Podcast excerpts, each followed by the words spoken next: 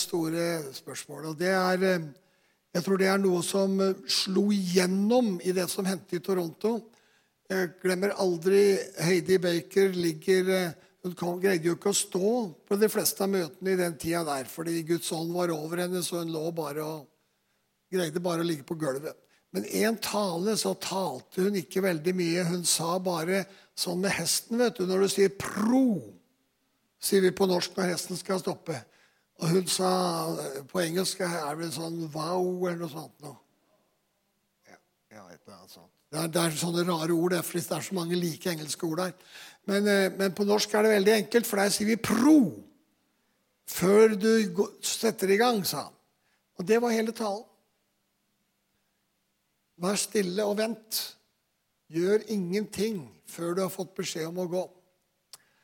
Og eh, jeg satt og tenkte på det.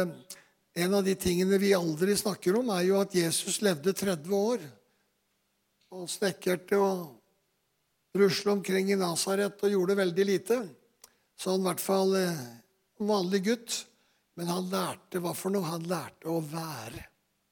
Han lærte å være med sin far. Var det ikke det han gjorde? Han lærte å være i det han vokste opp, og han lærte å kjenne dette intime samfunnet med sin far. Han lærte å være. Og uten det så tror jeg ikke han kunne gjort det han gjorde. Så det er, det, det er en begynnelse på alt. ikke sant? Og, og, det, og, vi har liksom aldri tenkt på at det er viktig, hva Jesus gjorde før han sto fram. Og, og, ble døpt av Johannes ved Jordan. Og så er det at han begynner også å gjøre noe ut ifra det han hører sin far si, og ut ifra det han ser sin far gjøre. Jeg skal snakke litt om det. Men jeg hadde lyst til å begynne med et ord i Johannes 15, hvor, eller noe av det som står i Johannes 15, hvor Jesus sier Uten meg kan dere ikke gjøre noen ting.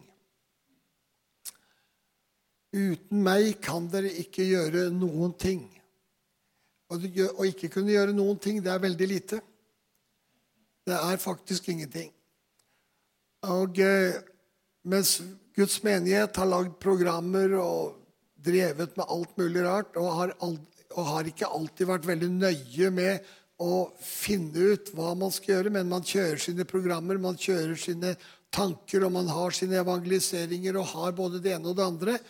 Og det blir noe ut av det. Men spørsmålet er blir det det som virkelig Gud hadde tenkt.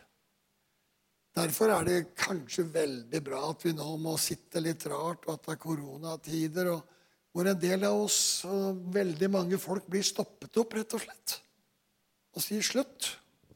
Det er som om Gud sier slutt, og finne ut Begynne å være, og så begynne å bevege deg når du har lært å være. Så bli i meg, så blir jeg i dere. Uten meg, sier Jesus, kan dere ingenting gjøre. Det er litt av budskapet i Johannes 15. ikke sant? Og eh, jeg tror at det er en nøkkel der. Den andre nøkkelen er at når Paulus i 1. Korinterbrev 11,1 så sier han 'imiter meg, for jeg imiterer Kristus'. Det er i hvert fall det det står på gresk. Altså 'imiter'.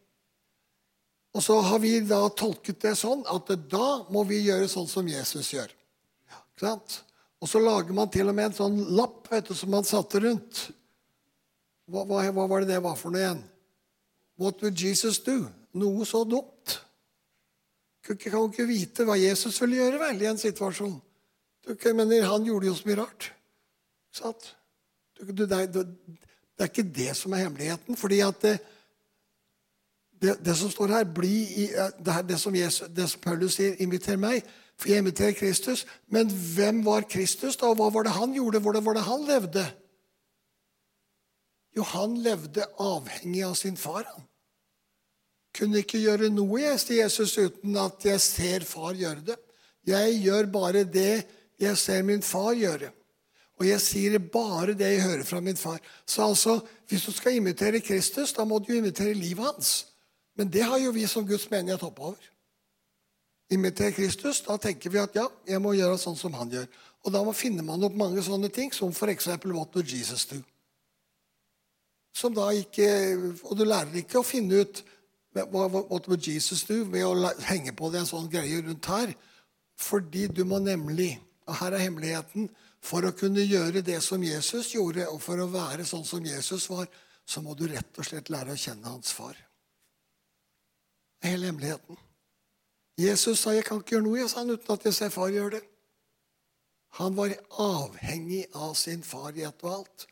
Og når da vi som Guds menighet har hoppet over far og tenkt at vi har Den hellige ånd, og så har vi Jesus, og så er det ikke så Far ja, han har jo skapt alt og litt sånt noe, men, men han er jo ikke så viktig.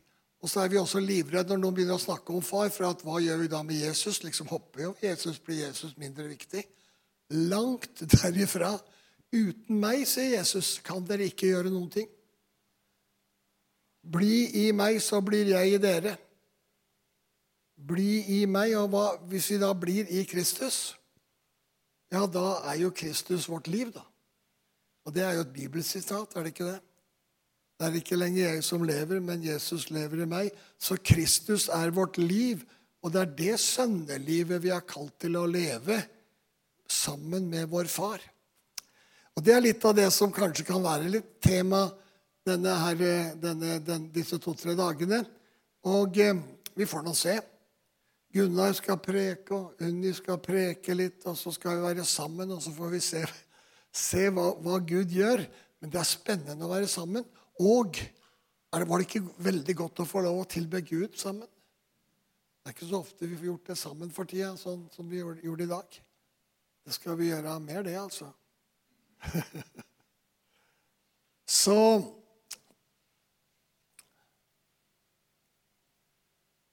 Det hele starter egentlig med en hjemkomst. Og Det kan det hende jeg skal prate mer om også. Men min hjemkomst for 19 år siden var en snuoperasjon i livet mitt. Og det hele handlet om det å lære å begynne å være. Ikke være fokusert på å gjøre, men å være. Og Derfor kritiserer folk da, vet du, vi Fader Art Ministries og alt dette. Dere bare sånne værefolk. Dere bare sånne soaker, dere. Gjemmer dere bort. Men det, er, det, henger sammen med dette som Heidi Baker talte om den gangen på en Partisan Harvest-konferanse i Toronto. 2003, kan jeg tenke meg, eller noe sånt noe det var. Fire, kanskje. Hun var jo her forresten i 2003 talte her. Vi hadde 255 mennesker inn i dette lokalet. Hvordan vi enn greide det. Men vi var borti der òg, da. Men og, det, ikke sant? Og, og det hennes rop var Lær deg å være før du begynner å gjøre. Lær deg å være. Fordi da kan vi nemlig erfare akkurat det som Jesus sier. Bli i meg. Bli i Kristus. Vær i Han. Han er vårt liv. Og ut fra det livet som er i oss, det livet som er Kristus' liv i oss Og når vi lærer da komme til ro, så kan vi høre og se hva far gjør. Og hvis vi begynner å gjøre det, da blir det ikke så greit å være djevelen i denne verden. Tror du ikke at Gud lengter etter at det skal være en del Jesuser som går rundt på jorda igjen? Men da må vi våge å bruke den tida det som trengs. Det som vi har lært, er at Hør nå. Jeg gjør, derfor er jeg. Jeg gjør, derfor er jeg. Er det sant? Er det bibelsk? Nei, det er jo ikke bibelsk. Det er akkurat det motsatte, det. Men det er akkurat sånn vi lever, de fleste. De fleste lever 'jeg gjør, derfor er jeg'. Identiteten min er fordi jeg gjør ting, så er jeg. Ikke sant? Det var veldig fint. Jeg, vet, jeg er jo sånn utdannet lektor, egentlig. Men det visste ikke hun da vi gifta oss. Ikke før lenge, lenge etterpå. Hun trodde jeg bare var lærer. Akkurat som det var viktig. Men, men, men, men, ikke sant? Hvis det hadde vært skikkelig greie på ting, da, så når jeg dør, Da må det stå på gravstenen min så må det stå lektor Olav Slåtten. Ikke pastor, for det. lektor er finere, er det ikke det? Eh, og, og, og, og, på Gunnar så kan det stå 'International Director Gunnar Deli'. Ja. ja. Ikke sant?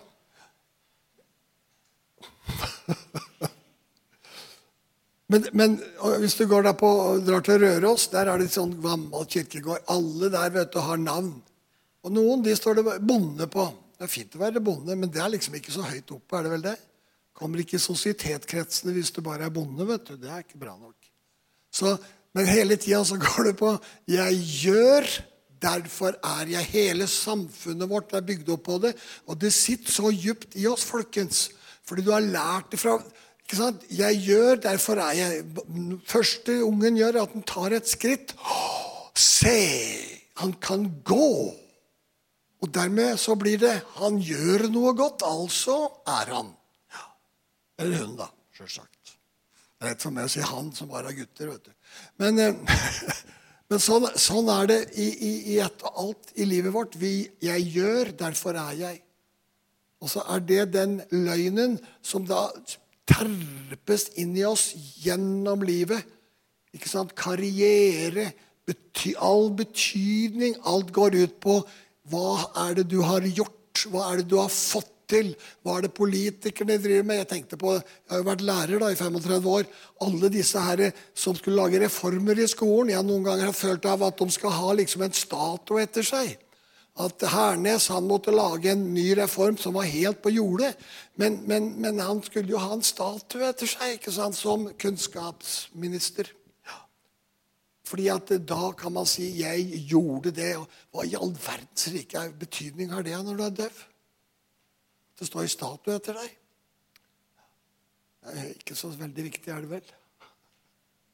Så, så, så dette er veldig viktig at vi skjærer igjennom at 'jeg er, derfor er jeg'. Gud presenterer seg og sier 'jeg er den jeg er'. Og fra evighet av, altså før verdens grunnvoll ble lagt, så utvalgte Gud oss ikke til å gjøre, men for å være. Utvalgte oss til å være sønn. Har du prøvd å gjøre sønn? Prøvd å gjøre datter? Ja, ja, det er klart det, du kan få til det, men du hører at det passer ikke. Hvordan skal man gjøre sønn? Hvordan skal man gjøre datter? For Gud vil jo ha sønner og døtre, og dermed så vil han ha altså folk som er. Er. Og det fantastiske er, og Kirken den har alltid vært grenseløs maskulin og holdt kvinnene nede. ikke sant? Fordi vi skal jo gjøre noe. Vi er sterke, og vi er menn, og vi skal vinne, og vi skal gjøre det.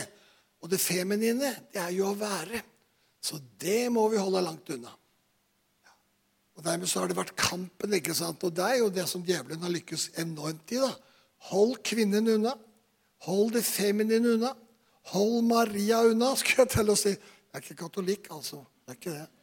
Men, men, det er klart at der har Den katolske kirke greid å bevare noe som kanskje vi protestanter kunne ta vare på.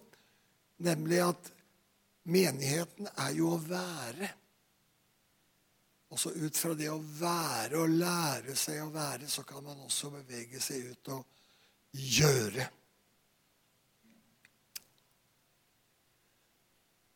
Jesu liv var et liv i avhengighet av sin far. Jesu liv var et liv der han hele tida mottok fars kjærlighet og levde ut fra fars kjærlighet. Og ut fra det så gjorde han alt det han gjorde. Og alt dette handler om Det, det nye testamentet. Avhengighet og det å ta imot kjærlighet. Avhengighet, å være avhengig av far, det var det han var. Og vi som kristne, som da er kalt til å være sønner og døtre av denne far, vi skulle jo da i Kristus lære oss denne avhengigheten av far. Men hvordan skulle du kunne være avhengig av far hvis du ikke kjenner far? ikke sant? Og det er hemmeligheten i Jesu liv er jo at han kjente far fullkomment. Sjølsagt at Den hellige ånd var over han og i han hele tida, slik at han, alt det han så far gjøre, og som han gjorde, det skjedde jo. Og på den måten så gjorde han det. Men fordi at det, det nye testamentet bruker forholdsvis liten tid på dette at Jesus var og det å være, men veldig på at alt han gjorde. Og fordi vi er lært opp til dette med å gjøre, så blir vi sånne gjørefolk. Jeg satt og tenkte, og så tenker jeg jo av og til, selvsagt. Og så endte jeg opp med å si at jeg skal forsyne meg snakke litt ut fra Johannes kapittel 14. For dette, dette var bare innledningen, det, altså. Johannes 14, 1-3. Det er et av de mine yndlingssteder å preke ut fra. Skriften den er sånn. Det er jo så fantastisk. altså Jeg har vært, hatt sånn øyeoperasjon. Før så måtte jeg hatt briller for å lese dette her. Men nå har jeg hatt, så fått sånne falske, sånne kunstige linser. Så nå kan jeg jo lese Bibelen uten briller. Så det er jo ikke dumt, det. La ikke hjertet blir grepet av angst, sier Jesus. Tro på Gud og tro på meg. I min fars hus er det mange rom. Var det ikke slik, hadde jeg da, hadde jeg da sagt dette, at jeg går for å gjøre i stand et sted for dere. Og når jeg har gått og gjort i stand et sted for dere, vil jeg komme tilbake og ta dere til meg, så dere skal få være der jeg er.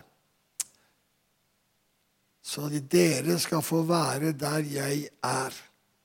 Dette er jo et skriftsted som stort sett er blitt feiltolket opp gjennom kirkehistorien fordi man ikke har kjent far og ikke hatt fokus på far og ikke forstått at far er viktig. Jesus han taler her om å, at det der, i min fars hus er det mange rom. Og fordi han sier det, så har folk liksom tenkt at ja, det er nok når vi kommer til himmelen, da skal vi få erfare dette her. Da skal vi få være der Jesus er. Men det er absolutt ikke det Jesus snakker om. Jesus snakker om her og nå. Eller der og da. For han sier nemlig Var det ikke slik, da hadde jeg ikke sagt dere.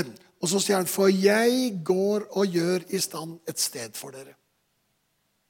Jeg går. Og da har man da tolket det som at Jesus, når han eh, med død og oppstandelse og himmelfart, så da gjør han i stand liksom noe flotte rom og hus og greier oppe i himmelen. et eller annet sted. Det er det man er den tradisjonelle tolkningen. Men da har man jo ikke lest innat hva Jesus sier. Fordi Jesus han sier nemlig at 'jeg går bort for å gjøre i stand et sted for dere'. Og det er ikke til himmelen han går. Hvor er det Jesus går? Han går til Getsemanehagen. Han går og forbereder seg på å ta all verdens synd. Og han kjemper så Svetten faller som blodsdråper idet han må ta denne kalken, denne kalken som er å ta verdens synd. Og Det er så ekstremt umulig for Jesus at det, han har ingen sjanse til å klare det. Og det, det, det, er litt av en frykt og en angst man opplever når, når, når man svetter blod. Så kommer denne engelen og styrker han, og så sier han, ikke sant, jeg, jeg, jeg går. Du vet, I Matteusevangeliet så står det tre ganger kom Jesus til sin far og sa er det mulig å ikke å slippe dette her. Enda en gang er det mulig. Enda en gang er det mulig. Noen av oss har vært i Israel vet du, og vært i Nasaret og sett hvordan de presser eh, olivenolje ut av olivendruer. Og hvordan de først legger på en viss mengde steiner, og så presser de oljen ut av oliven. Og Når de har gjort det én gang, da får de jo en del ut, så legger de på enda flere steiner i denne pressa, som gjør at de skviser ut enda mer olje. Og så gjør de det enda en tredje gang og skviser ut. Og Det er som om denne oljepressa er det som Jesus opplever i Getsemane. Og så går han og får kraft til å gå til korset. og for å bære verdens synd. Og når han gjør det, og han er ferdig med det han skal gjøre, så sier han det er fullbrakt. Det er fullendt. Les salme 22, en fantastisk salme som handler om hele Jesu En profetisk salme som forteller om hele Jesu lidelseshistorie fram, fram til og med han sier For det, salme 22 slutter sånn Det er fullbrakt. Det er akkurat de ordene Jesus til slutt bruker på korset. Det er ferdig. Det er finished. Det er fullbrakt. Og han dør. Og idet han dør og går ned i dødsriket, og så på den tredje dag blir reist opp, ja, hva har han gjort? Jo, han har beredt en vei. Har han ikke det? Han har lagd en vei for oss. Det er denne veien Jesus snakker om. Det er denne veien han snakker om her i Johannes 14. Snakker ikke om himmelen i det hele tatt. Han snakker om at jeg skal gå til korset, og, og, og jeg skal lage en vei for dere, slik at å sone all verdens synd. Og bare på det grunnlaget så skal dere få mulighet til å være der jeg er, sier han. Og Det store spørsmålet da blir hvor er Jesus? Hva snakker han om? Når han sier 'for at dere skal være der jeg er', hva snakker han om da? Hvor er det han er? Hør igjen at han er opptatt av å være, at vi skal få være et sted. Og hvor er dette fantastiske stedet som Jesus snakker om når han sier at vi skal få være Han lager en vei, og så skal vi få være der han er.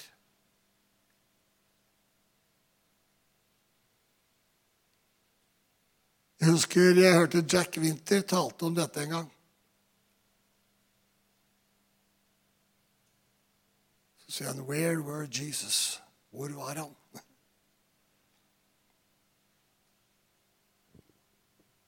Hvor var han?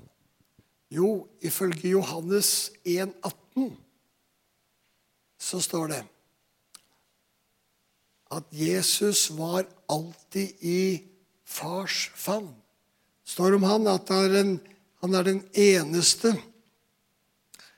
1,18. Ingen har noen gang sett Gud, men den enbårne sønn, den enbårne står der da, som er Gud, og som er i fars favn.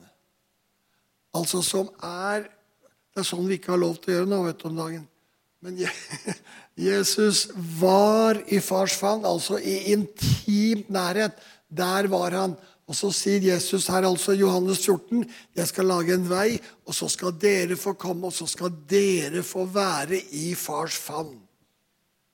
Det er jo så fantastisk, dette her. At vi i Kristus kan få være i fars favn. Og bare det kan gi oss trygghet. For da er det at du kommer hjem og vet at du er sønn, at du er datter, og at du kan hvile fra dine egne gjerninger. Du kan få hvile fra å gjøre. Du er elsket fordi du er, og ikke for hva du gjør. Nå er ikke jeg imot at vi skal gjøre, for dere skjønner jo det at temaet for denne konferansen er også noe med kallet vårt. Så det er jo ikke det at vi liksom er uinteressert i hva som men, men, noe må begynne, og må, det må legges et fundament. Og det må legges faktisk et nytt fundament i menighetene. altså. Fordi at man har gått glipp av dette, som var fundamentet i Det nye testamentet, som vi leser her.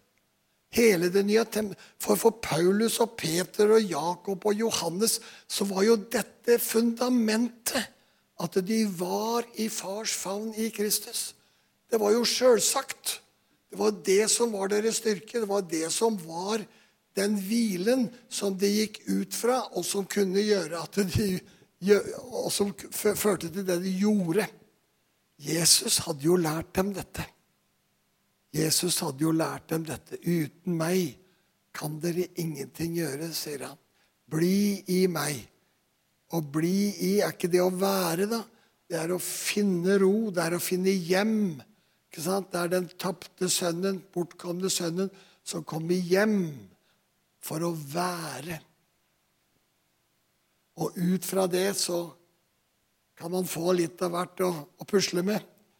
Fordi da kan man også begynne å se og høre hva far sier, og hva han gjør.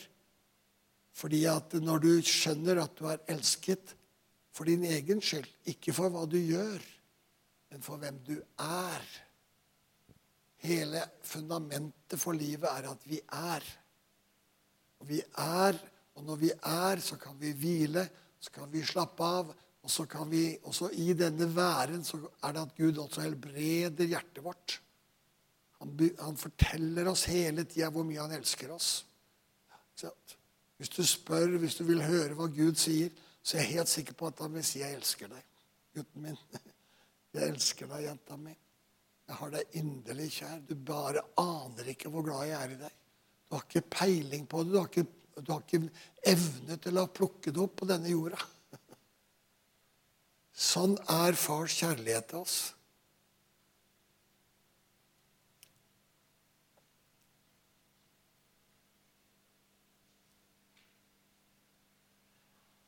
Så dette, dette lille avsnittet da, som Jesus taler om her i Johannes 14, det handler altså om å få være der han var. Og det, og det andre som Jesus da gjør, sier om dette her, det er jo det som han eh, uttrykker helt til slutt. For Jesus var avhengig. Men han var også han var avhengig av å se hva far gjorde, og han var avhengig av å høre hva far sa. Det var livsnerven i livet hans, det var fundamentet hans. Og han var villig til å være med på det, også til korset, selv om det som vi har snakket om, hvor mye det koster. Men så sier han helt til slutt ikke sant, at eh, Og da, da konkluderer han med akkurat dette her. Altså hvor han sier i vers 26, eh, i vers 17, kapittel 17, mener jeg, jeg har gjort ditt navn kjent for dem. Det har vært Jesu oppdrag. Å gjøre fars navnet kjent, å gjøre far kjent. Det var hans oppdrag. Og det andre delen av oppdraget, det skal han nå gå inn i. For nå er vi altså rett før for Getsemane, død og oppstandelse og himmelfart.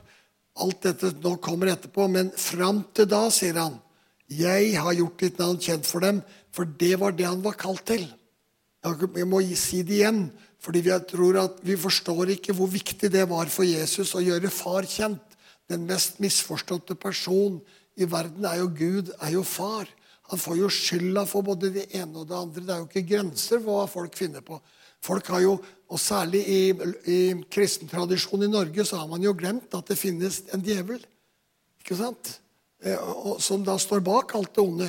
Tror du at Gud står bak? Det er liksom til og med noen som preker at Gud står bak korona. Ikke sant? Det er dom over verden. Det er forferdelig å si noe sånt. Jo, hva skal mennesker tro? Ja. Og, og, Jeg så en, en, som, en som mistet troen. Ja, tilfeldigvis har jeg vært på Sørlandet, så jeg har lest Vårt Land tre-fire-fem dager nå. Og det er ikke noe oppbyggelig. Så, så, så, så, da er det en da som står fram og sier at under Utøya da mister jeg troen. At liksom Gud kunne tillate det og gjøre det nærmest. Ja, for det, det hadde jo folk sagt. Ikke sant? Altså, det, det, det, er så på jordet, vet du. Og så hadde da Vårt Land greid da, å få en han som var en tidligere rektor på praktikum jeg sier det rett ut, jeg, på Universitetet i Oslo. Han hadde da skulle svare på dette her. Så jeg leste svaret hans. Og jeg tenkte at du verdens rike, for en tragedie. Da blir det bare sånn filosofisk rundt omkring lidelse og nød og vanskeligheter, så glemmer han liksom at det er jo faktisk djevelen som står bak dette her. Det er han som får muligheter til å gjøre ting. Og så, og så liksom får nærmest Gud skylda for det. Og så, hva slags Gud, hva slags bilde får vi av Gud? Jo, får et bilde av Gud at han har to hoder. han. Et godt et, et ondt et. Akkurat som hinduismen. ikke sant? Tohodet Gud. Og hvem kan stole på en tohodet Gud? Hvem kan stole på en tohodet Gud? Og, dette er, og her er det Jeg skjønner at Jakob sier at de blir ikke lærere for mange av dere, som skal få litt hardere straff. Men, men og, og, og, jeg må si at jeg som underviser Guds ord, står og med, med, gjør det med frykt og beven. Men Gud er bare god. Og det er Guds sanne ord. Og Gud han står ikke bak ondskapen og djevelskapen og alt det, men denne verdens Gud står bak det. Som Paulus snakker om. Denne verdens Gud. Første kor eller annet kor 4-4. Så står det 'denne verdens Gud'. Og dermed må vi, vi må ikke skylde på Gud det som djevelen gjør. Det er veldig, veldig viktig. C.S. Lewis skriver jo en bok om eh, en av sine bøker. C.S. Lewis var en av de store teologene i forrige århundre. vil jeg si da. Og så skriver han eh, en bok om 'Djevelen dypper pennen'. Jeg tror det er den boka. Så, så skriver han at eh, en samtale med djevelen Og så sier, han til dem, så sier djevelen til demonene dere må, dere må sørge for enten at folk ikke tror dere fins. Det er sånn som man har gjort i luthersk tradisjon i Norge i veldig stor grad. Og det Vi er tross alt lutheranere hele gjengen, enten vi vil det eller ikke. For vi står i en 500 år tradisjon av ting som er sådd inn i folkedypet, og kanskje også i oss sjøl, som vi trenger å ta et oppgjør med hjertet vårt. Enten må dere få sørge for, sier C.S. Lewis, gjennom denne boka, da, at vi ikke fins. Eller så må dere sørge for at folk blir så opptatt av dere at dere får masse oppmerksomhet. Det er som å komme til Afrika og Uganda. det vet du, og Afrika. Der, er, der er, de, er de i den grøfta. Der heter jo halvparten av menighet Deliverance Church. ikke sant? Og misforstått hva egentlig evangeliet er. Jeg sier det rett ut. Jeg er 74 år, så jeg har lov å si mye nå, vet du. Fordi, for, for, og dermed så, dermed så, er man så opptatt av djevelen, og djevelen elsker også at vi er opptatt av han, vet du. Ja, ja.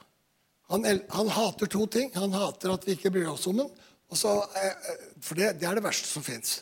Men, men vi må vite at han fins, og at han driver på med alt dette her fanteriet som da Gud får skylda for. Nå, en, nå kom jeg litt på av, avveier her, men jeg, jeg, må bare si det, fordi at dette henger sammen med Og jeg tror Gunnar skal prate mer om det i morgen tidlig.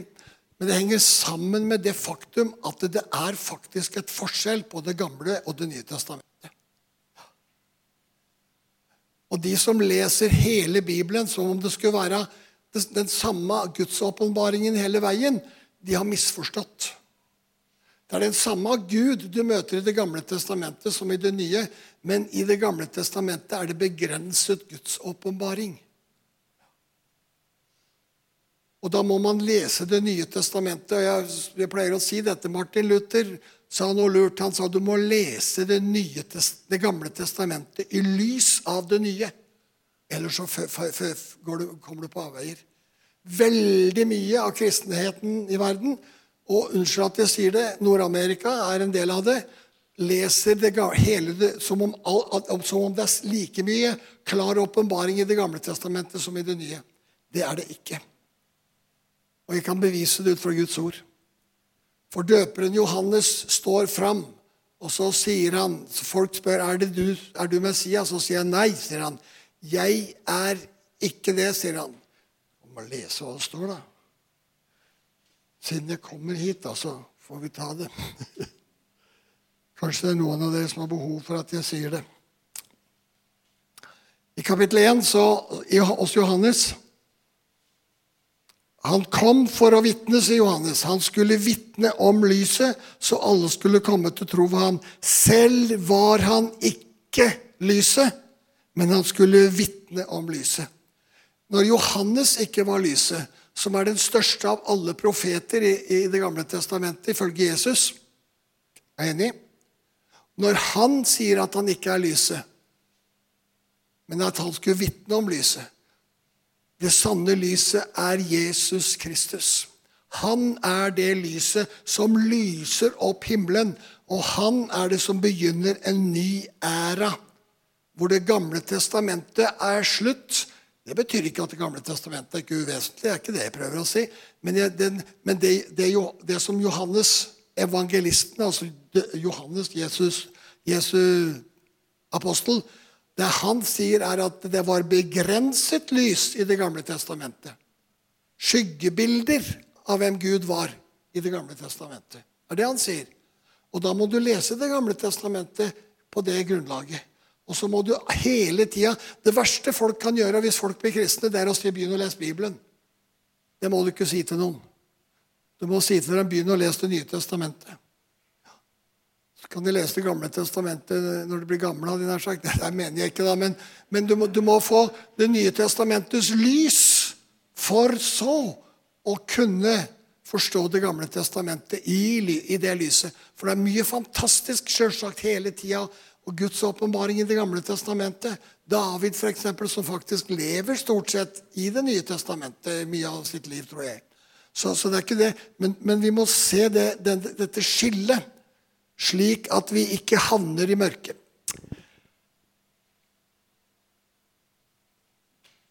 Dette er nok noe som ligger meg veldig på hjertet siden det kommer opp nå. og Jeg ikke hadde tenkt å si noe om det, men det ligger meg veldig på hjertet. Fordi at det er så Når jeg leste dette i Vårt Land, så ble jeg så skuffet at jeg, at jeg tenkte at jeg, jeg orker ikke den avisen, altså. Høres fælt ut, dette her, da. Men, men det, er, det, er, det, er, tøft, altså. Fordi at det er så mye rart som foregår. Og som da kommer på trykk av folk som burde Som er ledende teologiske professorer. Som ikke har skjønt hva hva evangeliet er, altså.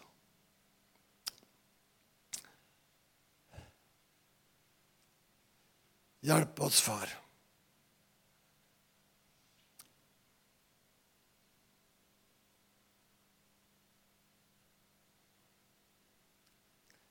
Jeg har lyst til å bare gå tilbake til der vi egentlig skal være.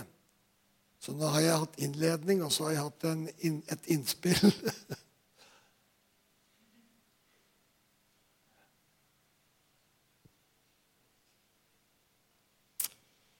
at vi, kan at vi kan på en måte avrunde det med dette at uh,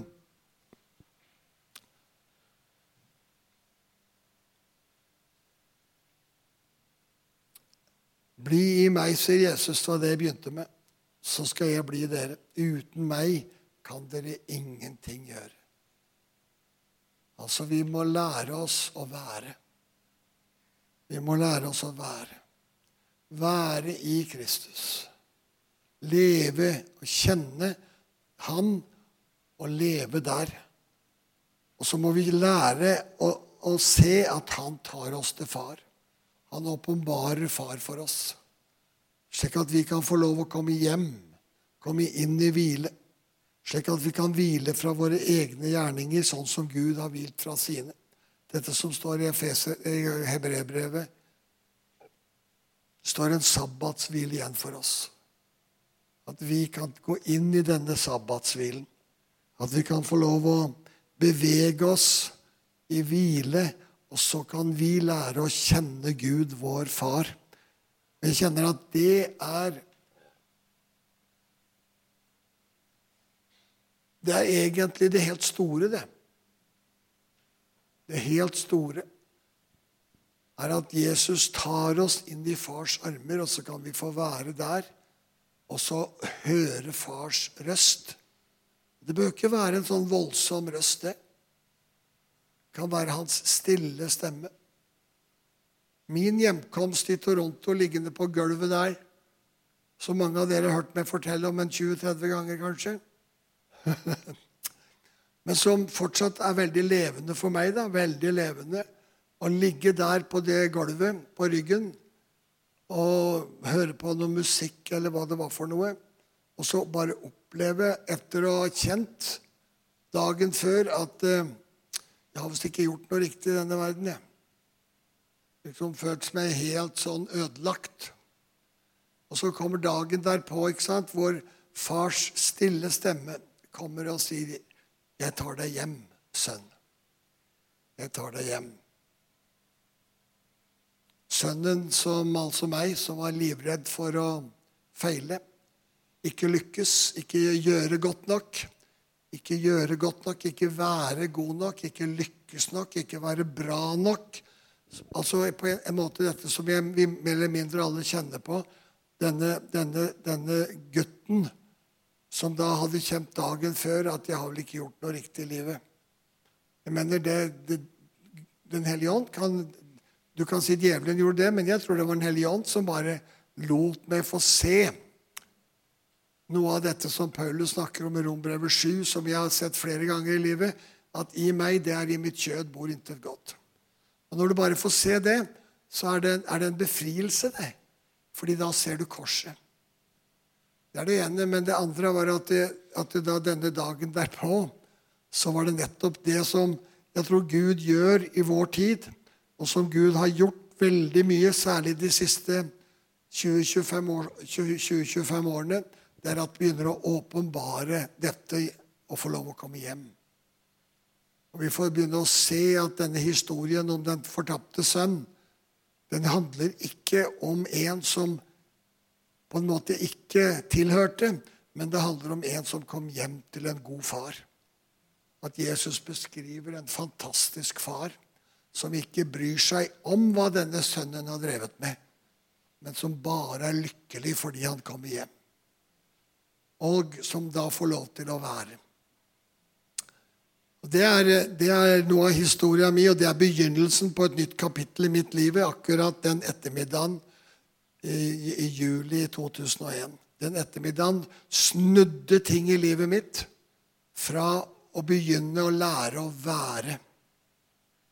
Og, og, og, som jeg har sagt sikkert hundre ganger Vi har jo hatt en del skoler, og jeg forteller ofte dette.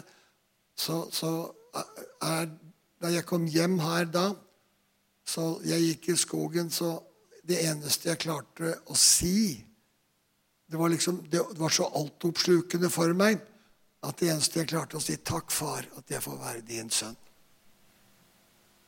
At jeg fikk lov å kjenne at jeg kunne hvile, ikke være redd for noe. For når jeg var sønn og jeg var hjemme, så var det ikke så farlig med om du lykkes eller mislykkes, om du får det til eller ikke får det til. Og da er det ikke så farlig om, eh, om man feiler. Ikke så farlig om jeg også nå, når jeg prekte nå, kom litt på Viota. Jeg innrømmer det. Kjenner at det var ikke den beste tingen jeg gjorde akkurat for en liten stund siden. Men det var noe av, noe av det som ligger her på hjertet, som, som, kanskje ikke hørte til akkurat her i kveld. Få tilgi meg det. Skjønner at det går an å gjøre dum feil du, når du preker. For Jeg kjente liksom etter hvert at nå bikker det over fra ånden til kjøttet her. For dette her er veldig Dette ligger deg på hjertet, men alt til sin tid. Ja. Så er det ikke ålreit å få lov å være litt skrøpelig og si at man bommer og feiler. Det betyr ikke at jeg ikke mente det jeg sa, men eh, det var nok ikke på rett tidspunkt og til rett sted. Så Så får vi lov å være glad i hverandre når vi er lykkes, og når vi mislykkes. Vet du, Vi har fem sønner, Unni og jeg. De har ikke alltid vært eh, fullkomne. Kastet kniver etter hverandre og gjort mye rart. Ja da, men vi har alle overlevd og har det veldig bra. Vi er veldig glad i hverandre. så, så, Men det var godt vi kom oss på Stubberud, for der er det jo langt ute i skogen. Så der eh, ja, ja da, så Men du slutter ikke å være glad i ungene dine fordi om de feiler. Tvert imot. Tvert imot.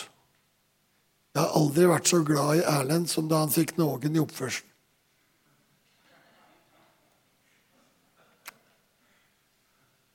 Jeg måtte sitte og prate med alle disse lærerne som ikke forsto situasjonen. Men, men det var, for det var en annen side ved det, men uansett. Og da, Erlend, da jeg kom hjem da, og Erlend visste jeg hadde vært der, så, så, tenkte, så lurte han vel på hva som kom til å skje. Så sa jeg nå går vi på restaurant, sa jeg, så spiser vi en godt måltid mat. Det gjorde vi. Vi gikk på kinarestauranten nede her og satt og spiste og koste oss og pratet om helt andre ting. Og så var vi så vidt innom det på slutten. da, Jeg, altså, altså, så, Jeg vet jo det. Så, ja, Men det, vi er ferdig med det, så er dette her eh, Du har fått straffa di mer enn nok ved at jeg har vært der. Så det er ikke noe mer å prate om. Men det er klart, og derfor er det at Men med slike ting knytter en far og en sønn veldig tett sammen, faktisk. Så ikke vær redd for å feile. Ikke vær redd for at ting går gærent. For det kan være nettopp Guds mulighet til å skape noe fantastisk. Så vi elsker deg, far. Vi takker deg for at du elsker oss. Vi elsker oss når vi lykkes, og du elsker oss når vi mislykkes. Du elsker oss når vi er Ja, uansett hvordan vi er. Halleluja. Takk, far, at du er sånn en utrolig god far. Og takk, Jesus, at du flytter ikke ut og inn. Det gjør ikke du heller, Hellige Ånd. Du flytter ikke ut og inn. Men du er, og du bor for det er det du har sagt at du vil. Du vil bo i vårt hjerte. Og takker deg for at du bor, og at du bor nå, og at du lever inni oss. Så vi ærer deg for det, Herre. Vi ærer deg for din godhet.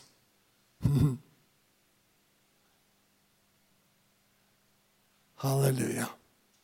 Det er godt å få lov å være en liten gutt eller ei lita jente å krype opp på pappas fang og kjenne at vi er elsket i alle slags situasjoner. Vi får lov til å være. Vi får lov til å være til, og vi får lov til å være elsket når vi er og ikke gjør. Og vi får lov til å være elsket når vi fikk, fikk beskjed om å gjøre noe, så gjorde du det ikke. Og så elsker du oss allikevel. Så er det ingen fordømmelse i ditt hjerte, Gud. Ingen fordømmelse i ditt hjerte. For du har tatt den fordømmelsen, Jesus. Ingen fordømmelse.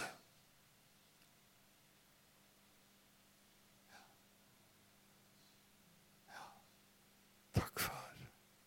Så får vi lov til å legge våre feiltrinn og våre mangler ned. Så får vi lov til å kjenne at vi er elsket for vår egen skyld. Rett og slett bare fordi vi er et menneske som er blitt født. Fordi at en sædcelle og en eggcelle smeltet sammen en gang. Så ble vi til. Slik som du ville før verdens grunnvoll ble lagt. Så vokste vi opp, og så har vi fått lov å oppleve mange negative ting og positive ting. Og i alt sammen så har du vært nær oss. Ikke at jeg skjønner det, Gud. Men jeg tror på det. Jeg tror på ditt nærvær og din kjærlighet. Vi elsker deg, Gud, fordi du elsket oss først.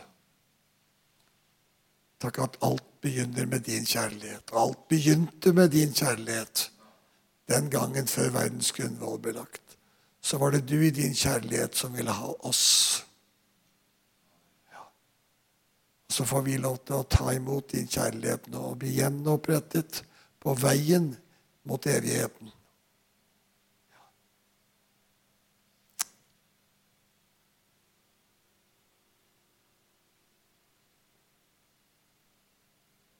Amen.